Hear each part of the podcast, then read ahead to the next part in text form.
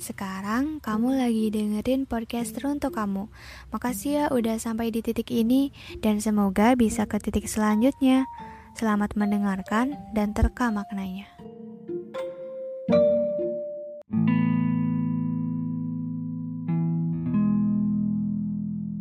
Pak Rumi langsung membukakan pintu dan langsung menyambut mereka. Beliau sangat antusias sekali, apalagi Ginta ia sangat senang bisa bertemu beliau, yang sifatnya itu ramah, humoris, dan sangat rendah hati. Ginta pikir rumah Pak Rumi megah dan mewah. Ternyata rumahnya sederhana dan halamannya luas, diselimuti oleh rumput hijau. Beliau tidak memperlihatkan dirinya sebagai sufi terbaik, tapi hawanya bisa dirasakan. Bajunya pun biasa saja, tak seperti raja atau pemuka agama pada umumnya. Keluarganya pun sederhana, satu istri dan dua anak perempuan yang masih kecil, namun sudah memakai kerudung. Ginta, Poppy, dan yang lainnya memang sepertinya akan menginap dalam beberapa hari kemudian. Pada saat Pak Iqbal bisa melihat wajah gurunya itu lagi, ia langsung memeluk Pak Rumi dan bercanda gurau seperti layaknya sahabat. Pak Iqbal langsung memperkenalkan Ginta kepada Pak Rumi. Ini adalah salah satu muridku yang dulu pernah aku ceritakan itu loh. Namanya Ginta. Oh ini, salam kenal ya nak. Ginta langsung berjabat tangan dengan Pak Rumi tanpa menyentuh kulitnya. Setelah banyak berbincang, mereka semua pun makan bersama. Dan pastinya ada banyak minuman teh di meja. Karena itulah ciri khas dari Turki. Karena sudah larut malam, tibalah saatnya untuk tidur. Dan rencananya Besok Pak Rumi akan menemani dan membawa mereka naik balon udara di Kapadosia. Ginta terbangun pukul 2 dini hari karena ingin buang air kecil. Pada saat akan ke kamar mandi, ia melihat Pak Iqbal mengobrol dengan Pak Rumi dan kedengarannya seperti membicarakan sesuatu. Ia mendengar kata bijan, tapi entahlah, dia tidak ingin mengubris lebih jauh.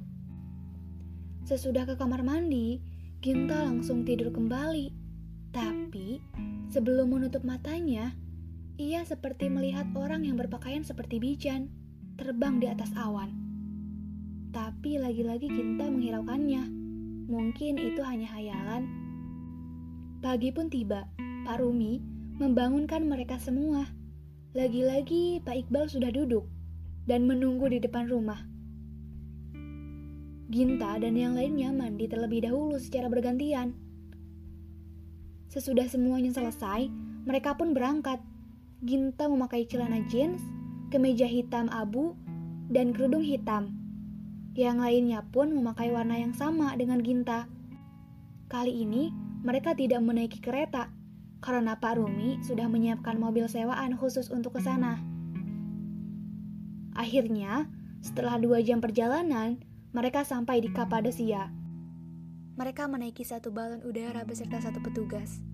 Dari atas bumi terlihat sangat indah sekali. Hamparan rumput yang menari-nari oleh tiupan angin, gunung-gunung yang puncaknya ada salju yang terlihat kecil, serta awan yang bisa membuat suasana semakin menyenangkan. Pak Rumi berdiri di dekat Ginta. Nak, apakah saya boleh berdiri di sebelahmu? Tentu, Pak. Silahkan. Terima kasih. Katanya kamu jago ya membuat puisinya.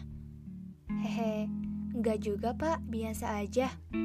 Kamu kelihatannya sedang memikirkan sesuatu ya?